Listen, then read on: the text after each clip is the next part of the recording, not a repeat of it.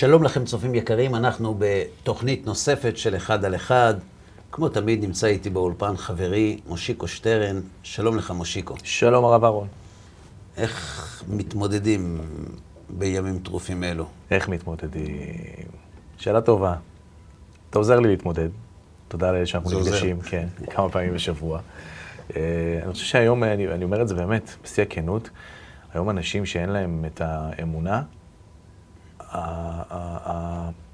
הנקייה הזאת, הטהורה, הפשוטה, האמיתית, שיש על מי להישען, מרוסקים. למה? כי התחושה היא תחושת אובדן. התחושה היא תחושת אה, לקחו לנו את העתיד. אנחנו באמת לא מבינים מה קורה פה. יש מבוכה גדולה.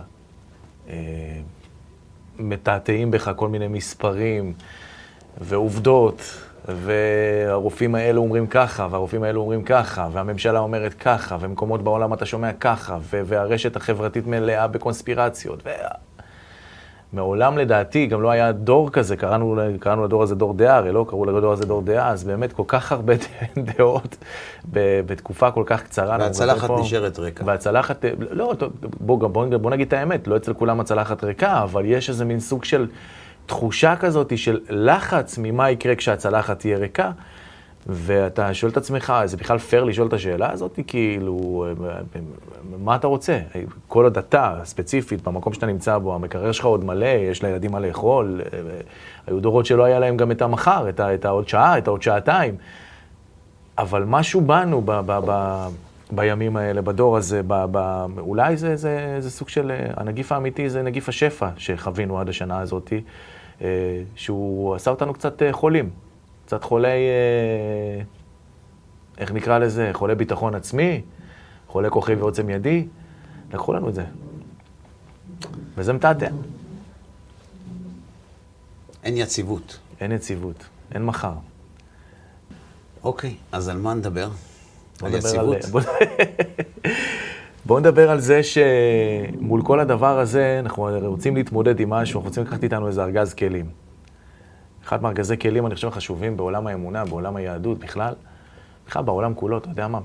גם אנשים שהם לא יהודים, גם אנשים שהם לא מחשיבים עצמם מאמינים, כולם תרים, מחפשים אחרי אמת. כולם אומרים האמת.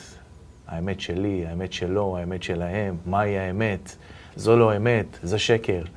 אה, יש איזה מין, אתה יודע, נטייה כזאת לבני האדם באשר הם, להיות אנשים אמיתיים.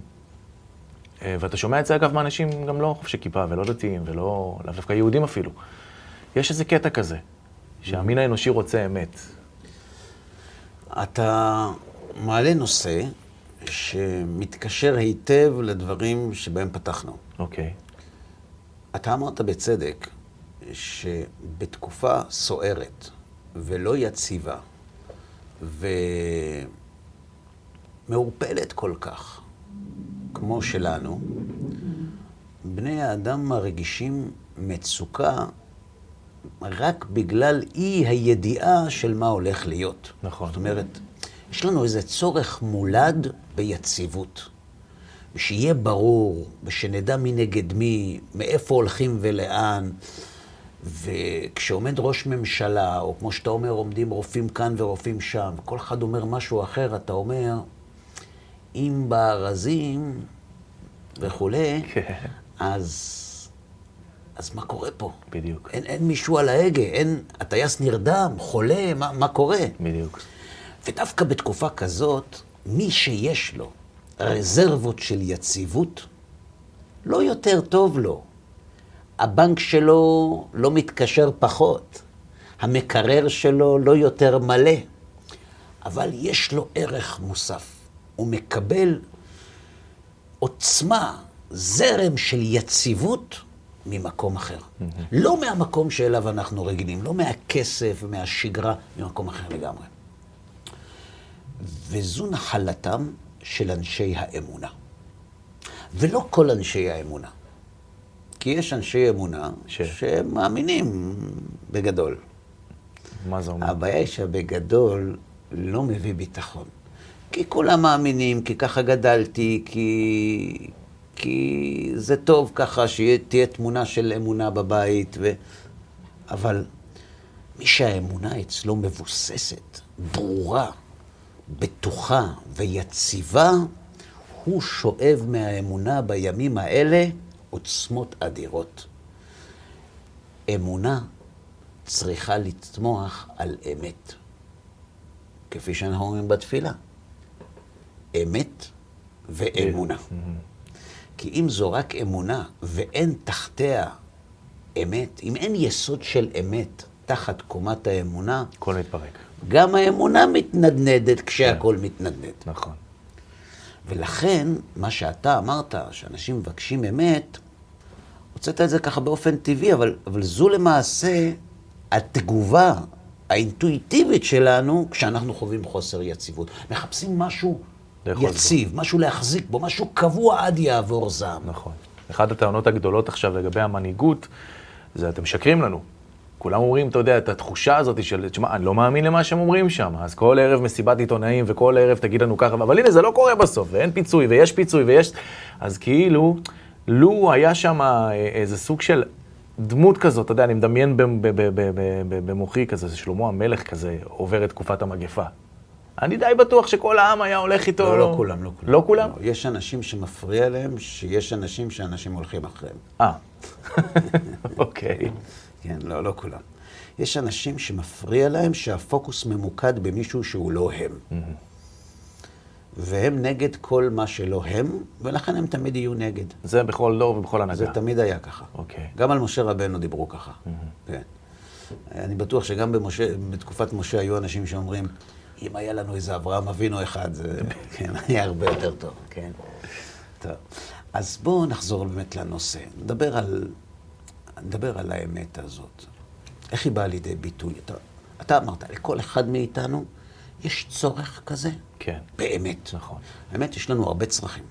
יש לנו, דיברנו על זה, אני חושב פעם, יש לנו צרכים פיזיולוגיים, צרכים גופניים, אה, לאכול ולשתות וכולי, יש לנו גם צרכים רגשיים, אבל מה שמבדיל אותנו מבעלי חיים, זה שיש לנו, אפילו בעולם הזה שבו בעלי החיים מנוסעים ומרוממים, גם אגודות צער בעלי חיים יסכימו שאצל בעלי חיים אין מושג כזה שנקרא ערכים.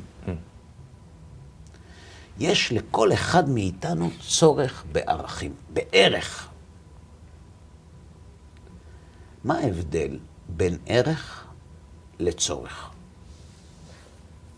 שאלה טובה.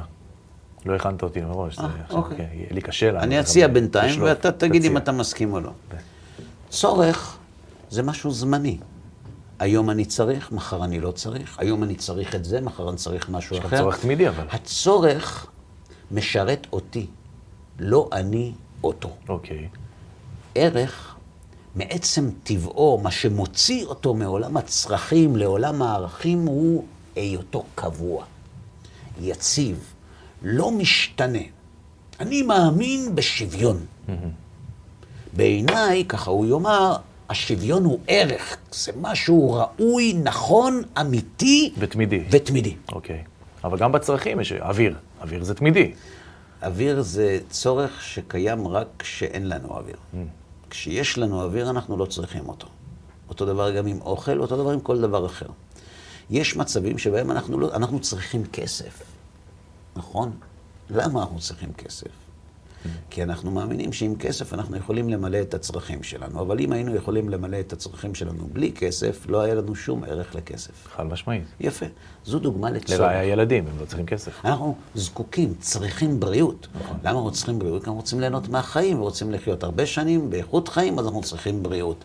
כלומר, הצורך משרת אותנו בדרך למטרה שלנו. אוקיי, ברור.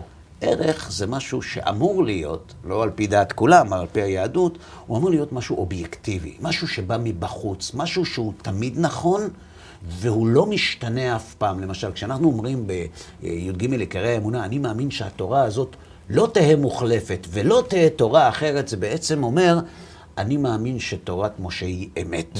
כי אמת היא דבר לא משתנה. אי אפשר לשנות. יפה. גם כשאנחנו מחנכים לומר אמת, הדבר מגיע מאותו מקום לכאורה. כיוון שאנחנו מחפשים יציבות וקביעות ושגרה, אם לא תהיה אמת נחלת החברה שלנו, היא לא תוכל להתקיים. כלומר, הקיום והאמת תמיד הולכים ביחד. כן. אתן לך דוגמה לערך. אתמול היה אצלי חבר, שאימא שלו גרה בתל אביב, והוא גר בצפון. והיא לא זוכרת. אוקיי. היא לא זוכרת. הוא, הוא יכול להגיע אליה ו, ולבקר אותה ולקחת אותה, ו, ואחרי שהוא חוזר הביתה, הוא מתקשר אליה, אז היא אומרת לו, למה אתה לא בא לבקר? וזה ממש לא פשוט, רגשית זה מאוד קשה. נכון. היא מתקשרת אליו ואומרת לו, אני רוצה שתבוא, תיקח אותי לבקר את אימא שלי, הרבה זמן לא ראיתי אותה. אז הוא אומר, טוב, אמא, מחר. כי הרי מחר היא תשכח שהיא נכון. אמרה. זאת אומרת, היא ממש, היא ממש לא זוכרת מה קורה עכשיו.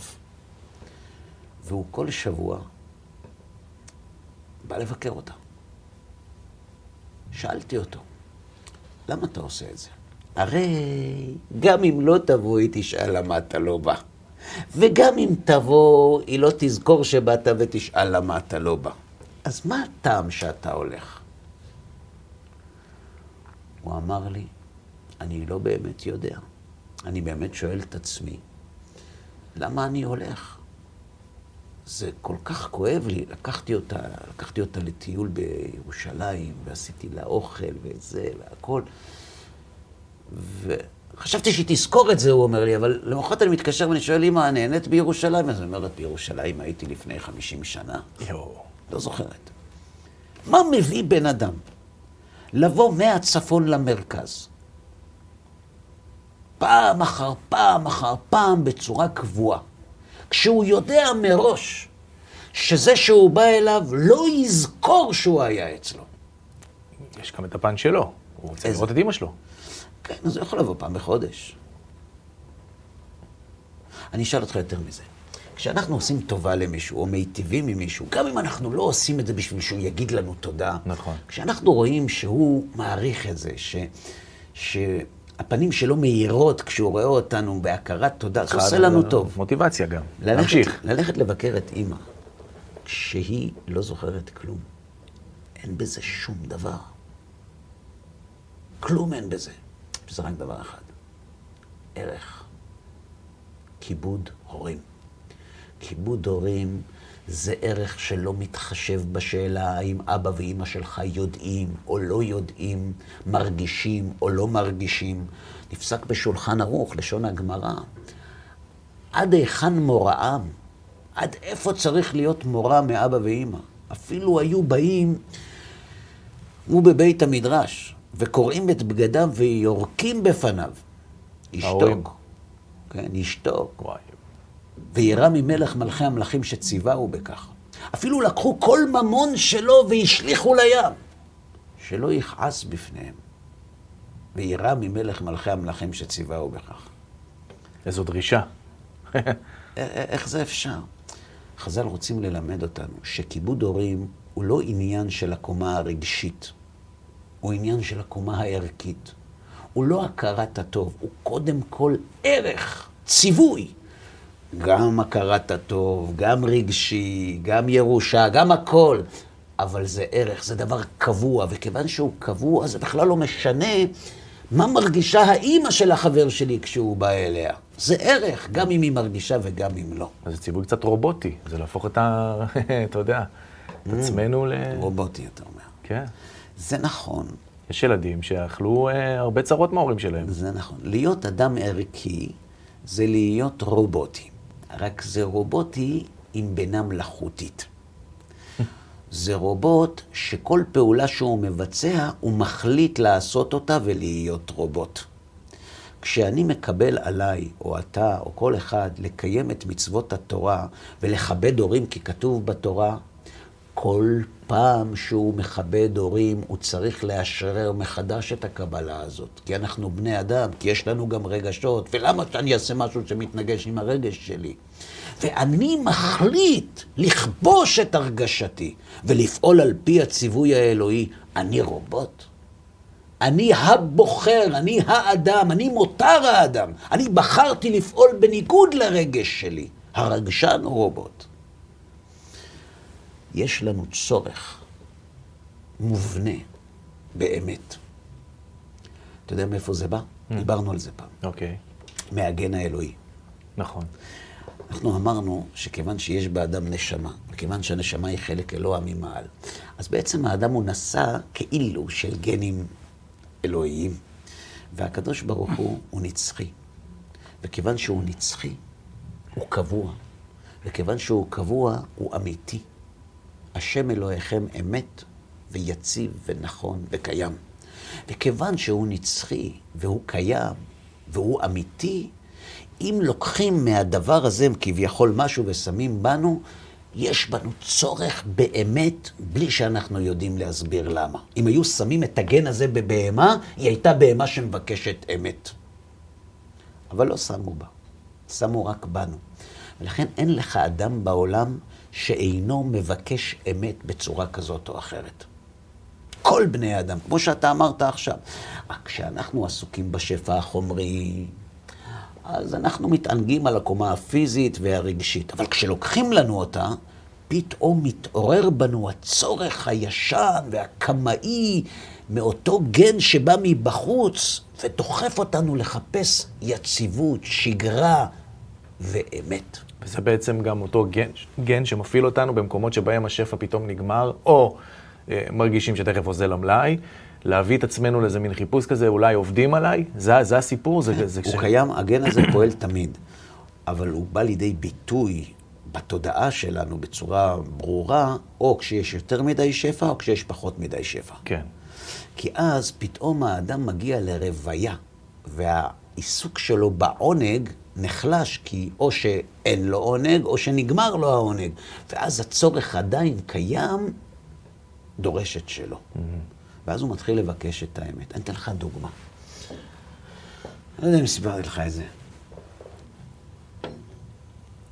אני, אני כבר לא יודע מה סיפרת, כל כך הרבה תוכניות עשינו ביחד, אז כך שאני לא זוכר אם סיפרתי לך, אמרת את זה כבר כמה פעמים היום. מקסימום ניזכר. כן, כן. קורה לי לא פעם שאני נמצא, אנחנו עושים הרי בערכים סמינרים, מאות, מאות, מאות סמינרים כבר נעשו, ואני זוכה להשתתף בהם.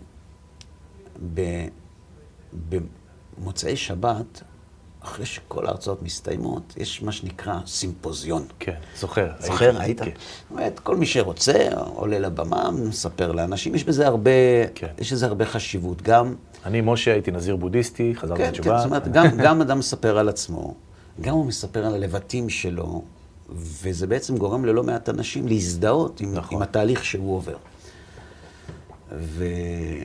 וקורה דבר מאוד מעניין, גם במהלך ההרצאות וגם בסימפוזיון. פתאום אנשים בוכים. עכשיו, זה נכון שאני לא בדרן גדול, ולא מספר הרבה בדיחות בהרצאות שלי, אבל אני לא מבקיא. אני, אני יושב ונותן הרצאה על אמיתות התורה, יושב מולי בן אדם, ובוכה. גבר שבגברים, שהייתי מפחד לעבור לידו בסמטה חשוכה.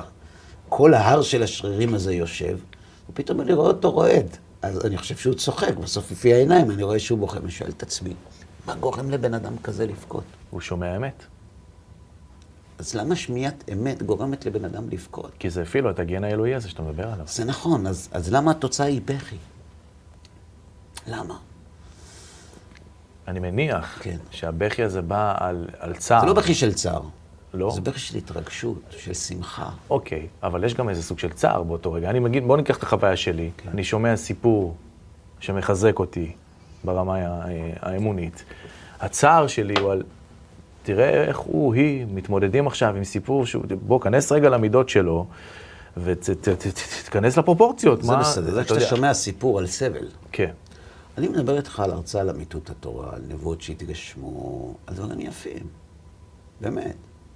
לא מדבר על סבל של אנשים ולא על כלום. אוקיי. מה, מה, מה, מה פתאום? מה מרגש אותו? מה, מה, כי למה הוא בוכה?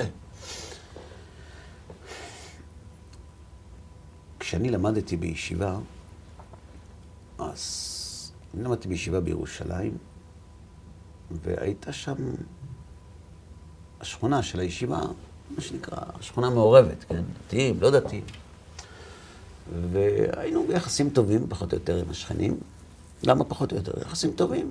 כל אחד חי את החיים שלו, אף אחד לא כפה את עצמו על אף אחד. והיינו נפגשים בדרך כלל ביום כיפור. אוקיי. בתפילת נעילה, יותר נכון, של יום כיפור. ואז היית רואה בים השחור כמה קרחונים אה, לבנים. עומדים, אתה יודע, כיפות מגועצות כאלה לבנות. והיית מזהה כמה מהשכנים ממול עומדים באולם. בין מאות, מאות, מאות רבות, אולי אלף, תלמידי ישיבה.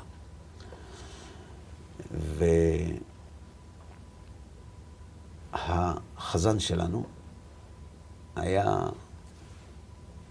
רבי שלום שבדרון, זכר צדיק וקדוש לברכה, שרק לשמוע אותו, הלב היה נמס.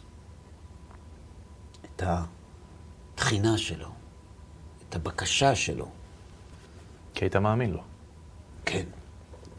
ומה שקרה שם, זה, אני זוכר שהייתי ב, ב, ב, כאילו בשיעור הראשון, זאת אומרת, ממש שנה ראשונה בישיבה, אז יש אבולוציה בישיבה. אלה שמתחתנים, אתה מתקדם. בסוף שרשרת המזון. כן. כן. ולכן אלה שמגיעים מבחוץ, פוחדים לקפוץ ישר לעמוקים, אז הם עומדים ב... בצד? ברדודים. ברדודים. אוקיי. ואנחנו זה ברדודים. עמד לידי אחד כזה, יהודי יקר, לא דתי, שאפילו לא ידע איפה מתפללים. ביקש ממני שאני אראה לו, נפתח לו את הסידור. ואני מסיים את התפילה.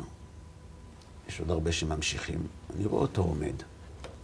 לא מסתכל בסידור, מסתכל שמאלה, מסתכל ימינה. כאילו הוא בתדהמה. ואז ראיתי. הוריד את העיניים ומתחיל לבכות. זה אני ראיתי. אוקיי. ואני שואל את עצמי, אני זוכר כמו עכשיו, הוא לא קרא שום דבר בסידור, זו תפילה בלחש, הקול של רב שולם לא הרעיד לו את הלב.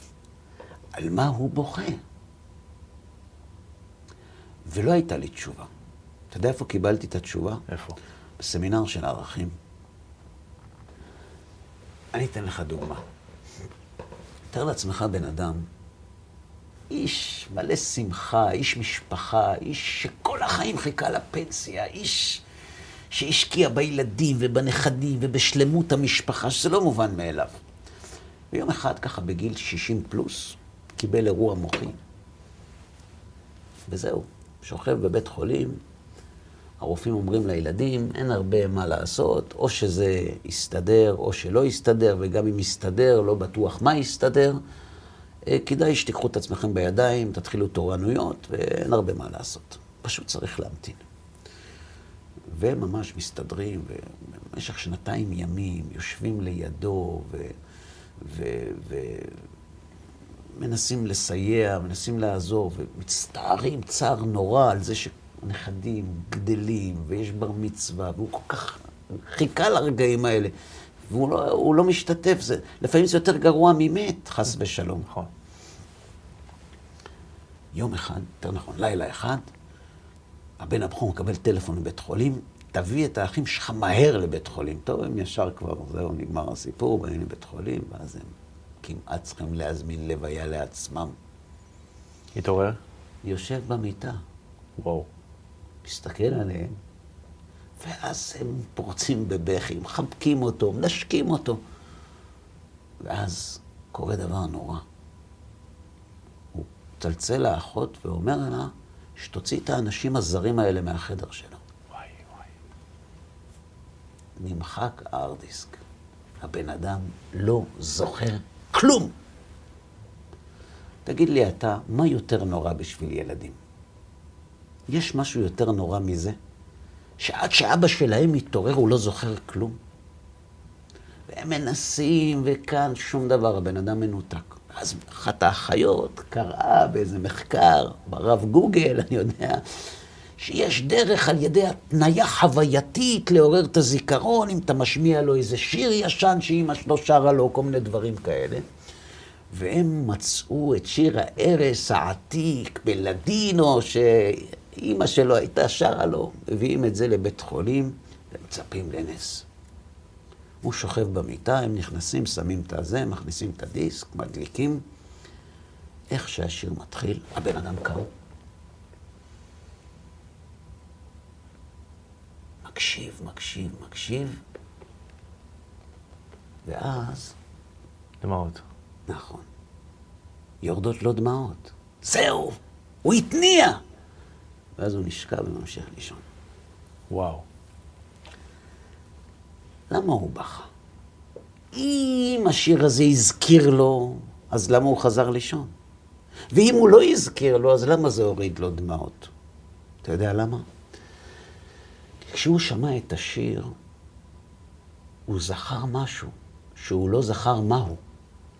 שזה אמור להזכיר לו משהו.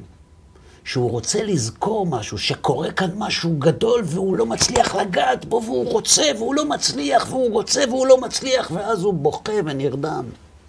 כי הוא לא הצליח. זה מה שקורה לאנשים כשהם מגלים שיש בעולם אמת.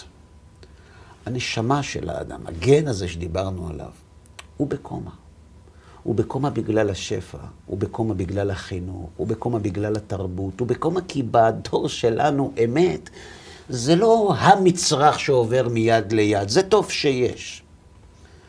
ואז כשלוקחים מהאדם את השפע, או כשהוא מזיז את השפע, מתחיל לבקש אמת. הנשמה שלו זועקת לאותו דבר קבוע ונצחי ויציב ואלוהי, ואז הוא יושב בהרצאה. זה מה שקוראים למקובלים לקלף את הקליפות, לא? זה ה... יכול להיות, אני לא יודע, יכול להיות. אז הוא יושב בהרצאה, ופתאום הוא מגלה משהו, והנשמה שלו אומרת, זה אמיתי. זה אמיתי. את זה אני מחפשת, את שאהבה נפשי. פעמון פתאום מתחיל. בדיוק. ואז הוא בוכה. עכשיו, יש כאלה שמתעוררים והולכים הביתה. יש כאלה שממשיכים לישון. הרב יוספי, שיהיה בריא, אתה, אתה מכיר אותו? הרב יוספי. הרב יוספי. אה, גדולי הצדיקים, רבי משיב מעוון, היה משתתף איתנו בסמינרים המון שנים, השם ישלח לו אריכות ימים ושנים. אמן. הוא בכל סימפוזיון היה אומר לאנשים, תדעו לכם שסמינר זה דבר שדומה לאדם שהולך ביער, בחושך נורא, ולא מוצא את השביל. ופתאום שביל. יש ברק. הוא מסתכל ורואה את השביל. ואז הברק נעלם. אם הוא איש חכם, הוא ממשיך ללכת בשביל גם כשחושך, כי הוא יודע שכשהיה אור הוא ראה שפה השביל.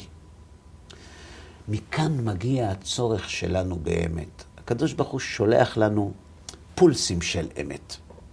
לכל אדם. כל אדם זוכה במהלך החיים, לפחות פעם אחת, אבל הרבה יותר, להארה, לקבל אור. השאלה מה הוא עושה עם זה. אבל, אבל כשהוא זוכה לזה, הוא מרגיש שיש כאן משהו אמיתי. הצורך שלנו באמת מגיע מהמקום הזה. לכן אנחנו דורשים מעצמנו ערכיות, להיות בן אדם. מאיפה זה בא? יימח שמו וזכרו, הצורר הגרמני כתב בספר שלו שרק חוצפתם של היהודים יכולה לדרוש מן האדם להתגבר על הטבע.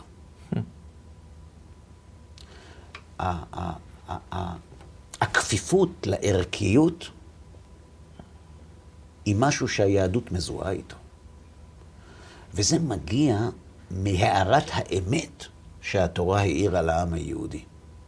יש לנו צורך מאוד גדול, לא פחות מאומות אחרות ולפעמים הרבה יותר, בלהכניס ערכיות לחיים שלנו. לכן אתה יכול לראות שאצל יהודים הקיצוניות ב, ב, בדבקות הערכית, לא משנה איזה ערך, איכות הסביבה, ה- המקום שבו הלחיות בשביל משהו תופס לנו בחיים הוא הרבה יותר משמעותי מאשר בעמים אחרים. יש לנו צורך ביציבות ויש לנו צורך באמת. ואנחנו אומרים, אשר נתן לנו את תורתו, תורת, תורת אמת. כן. ולכן מי שהאמונה שלו מבוססת על האמת הזאת, על יסודות האמת הזאת, גם כשהוא במצב הזה, שאנחנו חווים אותו, גם כשמסביב יהום הסער, כפי שכתבו חכמינו, גם אז יש לו אי של יציבות, שאפילו אלו שסוערים בין הגלים, כשהם מסתכלים עליו, זה עושה להם משהו. ואת זה כל אחד יכול לקחת. זה לא שייך לאף אחד, זה שייך לכל היהודים. זה לא שייך לאף אחד, אף אחד לא נולד עם זה, אף אחד לא קיבל את זה בירושה. להפך, חז"ל אומרים, מפני מה אין בניהם של תלמידי חכמים, תלמידי חכמים? כן. שלא יאמרו שהתורה עוברת בירושה. היזהרו, אומרים חז"ל, בבני עניים, שמהם תצא תורה. אני, לפעמים, כשאני רוצה להתחזק ולחזק את יסודות האמונה שלי, אני מסתכל על בעלי תשובה, על אלה שירדו להם דמעות. כי שם אתה רואה אמת. לפעמים האמת הזאת קצת מלוכלכת בקיצוניות, לפעמים, אבל זה לא משנה, זה לא מעניין אותי. אתה רואה שם אמת. אין שם עיגול פינות. הייתי בסדנה של ערכים. אשמח שמעמיס אותך היום בסיפורים, אבל כשהכול מסביב רועד, סיפורים נותנים קצת... סיפורים זה תמיד טוב. כן. הייתי בסדנה של כן. ערכים, זה מה שנקרא סמינר בוגרים. זאת אומרת, יש את הסדנה למתחילים, הוכחות, אמיתות התורה, יסודות האמונה, ויש אנשים שכבר עשו כמה צעדים קדימה, נותנים עוד דחיפה של חיזוק. הייתי שם, נתתי הרצאה. אחרי ההרצאה זה היה בנהריה, ניגש אל היהודי עם כיפה על הראש. לי, שלום אהרון, שלום, זוכר אותי? כן זוכר, לא זוכר. אני רוצה לספר לך על נס ענק שקרה לי. עכשיו, אני, על סיפורים כאלה, רודף כמו אחרי לא יודע מה. אתה יודע למה? למה? כי אני משתדל לא לספר סיפורים לא אמיתיים. אה, בשיעורים, בהרצאות. כן, כי כשאתה מספר סיפור לא אמיתי, היום אדם גולש, שתי בודק דקות אותך, ונפלת. לא שתי דקות, בודק אותך אונליין, אתה, אתה לא יכול לזה. ולא נעים. נכון. אז אין לי הרבה סיפורים. וגם לא תמיד הם נגמרים טוב, כי הם אמיתיים. אז כשבן אדם בא ואומר לי, קרה לי נס גלוי, אני חייב לספר לך, אני נותן לו כל הזמן שבעולם. הוא אומר, תקשיב, אני גר בדירה, קרקע, בית פרטי. בוקר אחד אני יוצא לחצר.